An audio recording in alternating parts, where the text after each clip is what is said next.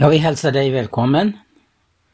Jag ska idag eh, ta upp vad Bibeln lär om olika ting. Men först och främst vill jag understryka det här att eh, Bibeln beskriver Guds ord som en klippa. En klippa som står fast i vel och i ve. Den är oföränderlig och det var Guds ord som eh, Gud gav de första människorna att följa. Och eh, Orsaken då till den stora katastrofen som skedde i och med det att man avvek ifrån ordet, det var, eh, blev helt uppenbarat och eh, tittar vi omkring oss idag i vår värld så ser vi resultatet av att några avvek ifrån ordet. Men jag vill också påminna vad eh, Jesus ger för betyg åt den församling, församlingen i Philadelphia. Jag tänker då på sändebreven som avslöjar för oss huruvida man stod inför, i förhållande till Guds eget levande ord. Och Efesierförsamlingen, eller Philadelphia-församlingen, de får det erkänna att du har tagit vara på mitt ord. Du har tagit vara på mitt ord. Det är hemligheten. Och så har det varit i alla tider, så gäller det för Guds folk, men också för den värld vi lever i. Så eh, är det ju helt uppenbarat att eh, det blir konsekvenser då man avviker ifrån de grundprinciper som Gud har givit för att leva vårt liv här på jorden. Och det berör alla områden. Det berör familjen, det berör äktenskapet, det berör församlingen. Det, det gäller barnen framför allt som Gud har givit oss för att eh, fostra och ge dem eh, en grundläggande eh, grund att eh, få uppleva ett liv som eh, hjälper dem att eh, räddas ifrån det onda som finns i den här världen. Jag tänker på ett ord i den 119 salmen. Hela den salmen talar ju om att Guds ord ska stå i centrum av våra liv. Och hur det står till exempel om hur en yngling, hur ska han kunna bevara sin stig ostraffad? Hur ska han kunna vandra eh, den, värdig den eh, kallelse som Gud har lagt ner till varje människa? Det står då först en fråga. Hur ska den yngling kunna bevara sig ren? Svaret kommer också i samma vers att du har eh, genom att bevara sitt ord i sitt hjärta ge plats för Guds ord. Det är det som eh, eh, gäller kallelsen i frälsningen. Därför börjar budskapet till människorna, till exempel som eh, när Petrus predikade på pingstdagen, så frågar de efter att de har berörts av Guds ande, vad ska vi göra? Då säger han omvänd er, gör bättring. Det var ju det första som sker eh, när en människa begynner gå frälsningens väg. att hon gör bättring, att hon omvänder sig, att hon gör sinnesändring. För att eh, hon har fått lyssna till Guds ord. Eh, Petrus predikade ordet för människorna. Det finns en mycket enkel liknelse som Jesus ger i Matteus, det sjunde kapitlet. Och det jag läser ifrån 1917 års översättning. Där står det ifrån den 24 versen. Därför, var och en som hör dessa mina ord och gör efter dem, han må liknas vid en förståndig man som byggde sitt hus på Hälleberget. Och slagregn föll och vattenströmmarna kom och vindarna blåste och kastade sig mot det huset och likväl föll det icke omkull eftersom det var grundat på Hälleberget. Men var och en som hör dessa mina ord och inte gör efter dem, han må liknas vid en oförståndig man som byggde sitt hus på sanden. Och slagregn föll och vattenströmmarna kom och vindarna blåste och slog emot det huset och det föll omkull och dess fall var stort.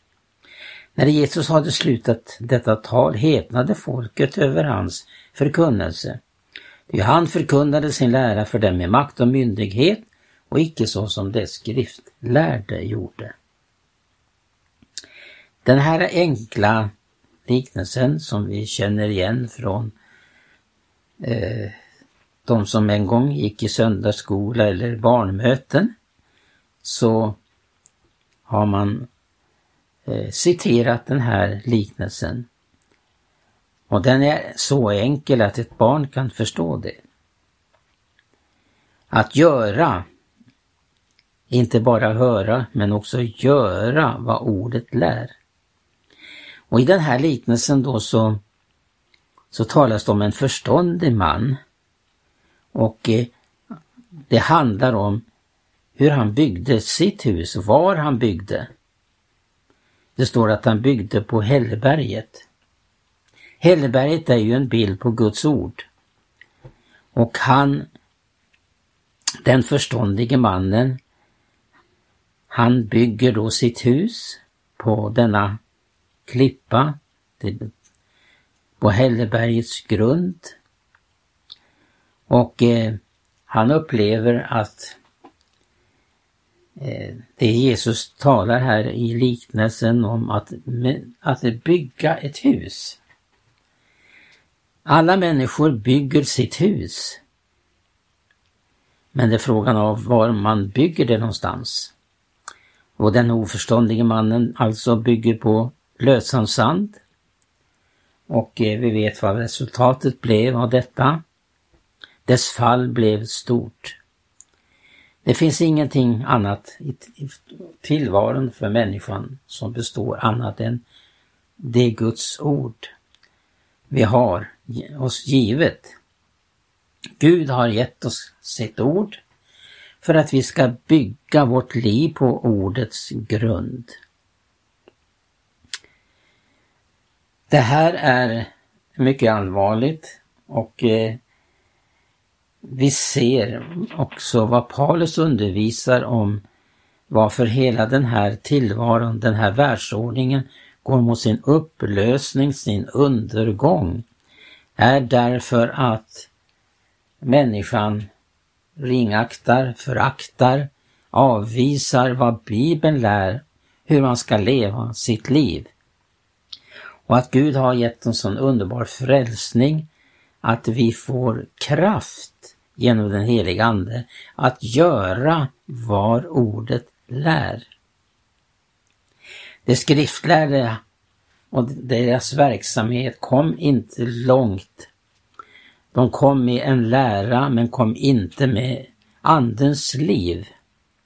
Och Jesus säger ju faktiskt vid ett tillfälle att ni ska inte göra som de, som de lever ni kan göra det som de lär men inte så som de lever. De undervisade. Det fanns ju naturligtvis väldigt många falanger inom de skriftlärda och fariseernas läger. Men det fanns också det som var uppriktiga och ville verkligen folkets väl med sin undervisning men kom aldrig att uppleva något resultat av detta därför att de saknade det som Jesus hade. Därför står det om det att han förkunnade sin lära med makt och myndighet, var liv i ordet. Jesus var livet och han var livets ord. Själv representerade han det levande ordet som blev kött och som tog boning bland människorna. Det finns då olika områden som vi kan hänvisa till där vi eh, ser vad, vad ordet lär oss, hur vi ska leva med tanke på efterföljelsen. Ingen kan förfuska efterföljelsen om inte man följer vad Jesus har sagt, då det handlar om att vara hans efterföljare. Det, Guds ord talar om till exempel om helighet, om helgelse. Och det framställer Guds ord klart och tydligt. Och församling och församlingslivet, det kommer ju verkligen i uttryck i de, i de sju sändebreven. Jag nyss citerade ifrån eh, eh, Philadelphia vad Jesus hade för budskap till, Efes, till Philadelphia församlingen. För övrigt så möter vi det här i de flesta av församlingarna att de uppmanas till omvändelse, att vända tillbaka till det ord som de en gång hade mottagit. Tänk på, står det, hur du undfick ordet, säger Jesus till en församling. Tänk på hur du undfick ordet och tag vara därpå. Och familjelivet, inte minst, är ju så viktigt att det är uppbyggt efter Guds ord. Och eh, barnens uppfostran är så också viktig. Därför att Bibeln talar tydligt om det. Ja, jag har ju också med Gertrud här. Och eh, hon har ju då skrivit ett mindre bok. En, en, en stor hemlighet. Och där handlar det bland annat om familjen, om barnen. Jag, kan, jag vill att du läser några ord ifrån den bok du har skrivit. Ja. Och den handlar om... Här handlar det om familjen då. Det är ett kapitel som heter Underordnandets princip. Men mitt i det kapitlet så läser jag att när det gäller familjen tecknar Guds ord en ordning som idag är sedd som gammaldags och patriarkalisk. Men låt oss se vad ordet egentligen säger. Ni hustrur, underordna er era män, så som ni underordnar er Herren. Ty en man är sin hustrus huvud, så som Kristus är församlingens huvud, han som åker är denna sin kropps frälsare. Ja, så som församlingen i allt underordnar sig Kristus, så skall och hustrurna i allt underordna sig sina män. Ni män, älska era hustrur så som Kristus har älskat församlingen och utgivit sig själv för henne, till att helga henne genom att rena henne medelst vattnets bad i kraft av ordet, Ty så ville han själv ställa fram församlingen inför sig i härlighet, utan fläck och skrynkla och annat sådant. Fastmer skulle hon vara helig och ostrafflig. På samma sätt är männen pliktiga att älska sina hustrur, då dessa ju är deras egna kroppar. Den som älskar sin hustru, han älskar sig själv. Ingen har någonsin hatat sitt eget kött, istället när och omhuldar man det, så som Kristus gör med församlingen, eftersom vi är lemmar av hans kropp. För den skull skall en man övergiva sin fader och sin moder och hålla sig till sin hustru, och det tu ska vara ett kött. Den hemlighet som ligger här i är stor. Jag säger detta med tanke på församlingen. Dock gäller också om er att var och en ska älska sin hustru så som sig själv, men hustrun å sin sida ska visa sin man vördnad. Detta står i Efesierbrevet 5, 22-33. Detta bibelställe tecknar för oss vad Guds oerhörda tanke är. Ett äktenskap där mannen är sådan som Gud tänkt och kvinnan är trygg i mannens omsorger det blir en underbar bild på Jesu förhållande till sin församling. Att underordna sig sin man är ju att underordna sig Herren. När jag läser detta så får jag i mitt inre en bild av en jord som sluter sig samman till skydd mot rovdjuren. Innerst finner vi barnen, det som behöver mest skydd. Därefter kvinnorna som omkring sig behöver männens skydd och ansvarstagande och utanför dem alla omsluter oss Kristus som var och en ska underordna sig. Och Kristus själv underordnar sig sin fader. Så har Gud ordnat det för allas bästa. I våra dagar så är det mest kvinnans underordnande i förhållandet som uppmärksammas och ifrågasätts av de flesta. Och det kanske inte är så märkligt i den anda av feminism som genomsyrar väldigt mycket i hur vi tror att man ska leva. Tankarna går i traditionella banor och fastnar vid dessa ord och man tror att den underordnade kvinnan är undertryckt, utnyttjad och kuvad. Att underordna sig sin man betyder inte att kvinnan ska ägna sig åt vård av frisk man i hemmet, som någon har uttryckt den traditionella bilden. Man måste också se mannens plikt att omhulda och ge sig ut för sin hustru. Inför Gud är det äkta paret en enhet, det är ett. I praktiken eller i verkligheten sker en process där det blir ett allt eftersom denna harmoniska enhet dem emellan växer fram. Det handlar om att mannen håller sig till sin hustru och kvinnan visar sin man vördnad. Det växer fram något gudomligt fint dem emellan som liknar församlingens förhållande till Kristus. Att kvinnan ska underordna sig sin man beror på, som jag tidigare nämnt, att kvinnan och mannen i viss mån har olika utrustning och kvinnan har en något större risk att bli bedragen av fienden till att avvika från Guds ord. Kvinnan är känsligare för andlig påverkan och tenderar att förhålla sig till sån påverkan mer på ett emotionellt sätt än att pröva det inför ordet. Detta kan bli förödande eftersom fienden förskapar sig till en ljusets ängel. Allt behöver vara förankrat i Guds fasta ord. Mannens uppgift är att vaka över ordningen i sitt hus och att med hjälp av Guds ande vara en präst som förmedlar Guds ord i hemmet. Det är han som ska vara den som har sista ordet i frågor och beslut, men då har han också ett större ansvar. Det blir så lätt att han i nutidens feministiska strömningar stiger tillbaka och som Adam gjorde gömmer sig bakom sin kvinna. Den kvinna som underordnar sig sin man och även bröderna i församlingen kommer att finna en välsignelse i det. Hon kommer att vinna respekt och aktning i den andliga världen och får rika tillfällen att tjäna Gud i en tjänst för församlingen som passar henne och hennes gåvor på ett underbart sätt.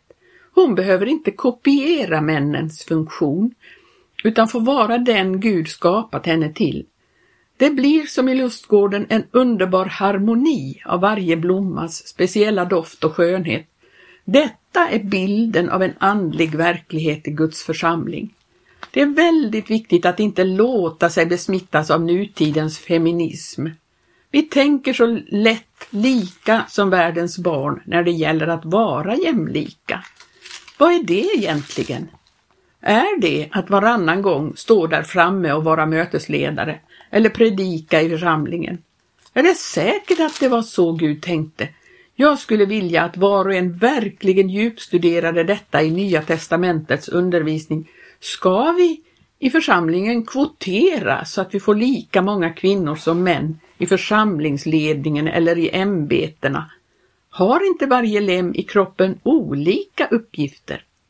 Jag kan för min del inte tro att Paulus i sin undervisning skulle vara kvinnofientlig när han skriver om män och kvinnor. Inte heller Petrus är fel ute i sina brev. Läs noga och förutsättningslöst och tro på Guds ord, som är vår auktoritet även på detta område. Kvinnan är ju skapad till att vara en hjälp och mannen är skapad att vara huvud över henne.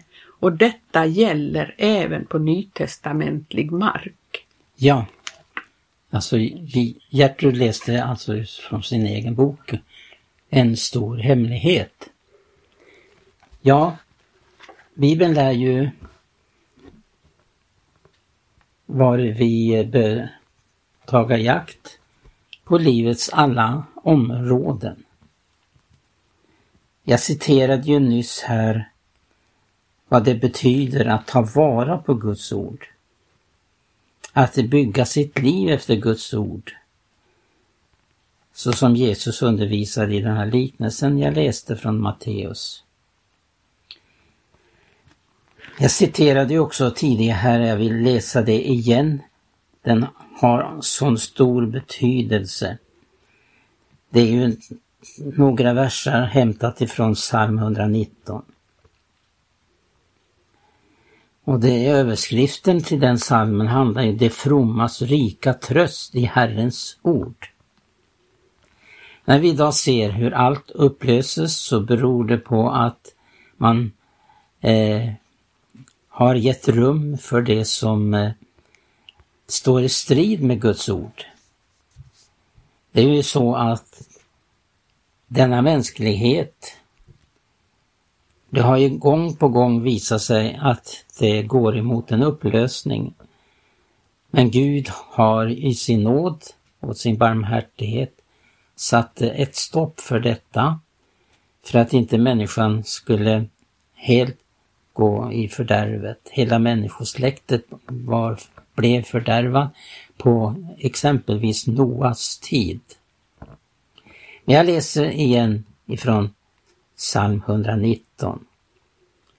Hur skall en yngling bevara sin väg obesmittad när han håller sig efter ditt ord? Jag söker dig av allt mitt hjärta, låt mig icke fara vilse från dina bud. Jag gömmer ditt tal i mitt hjärta för att jag inte ska synda mot dig.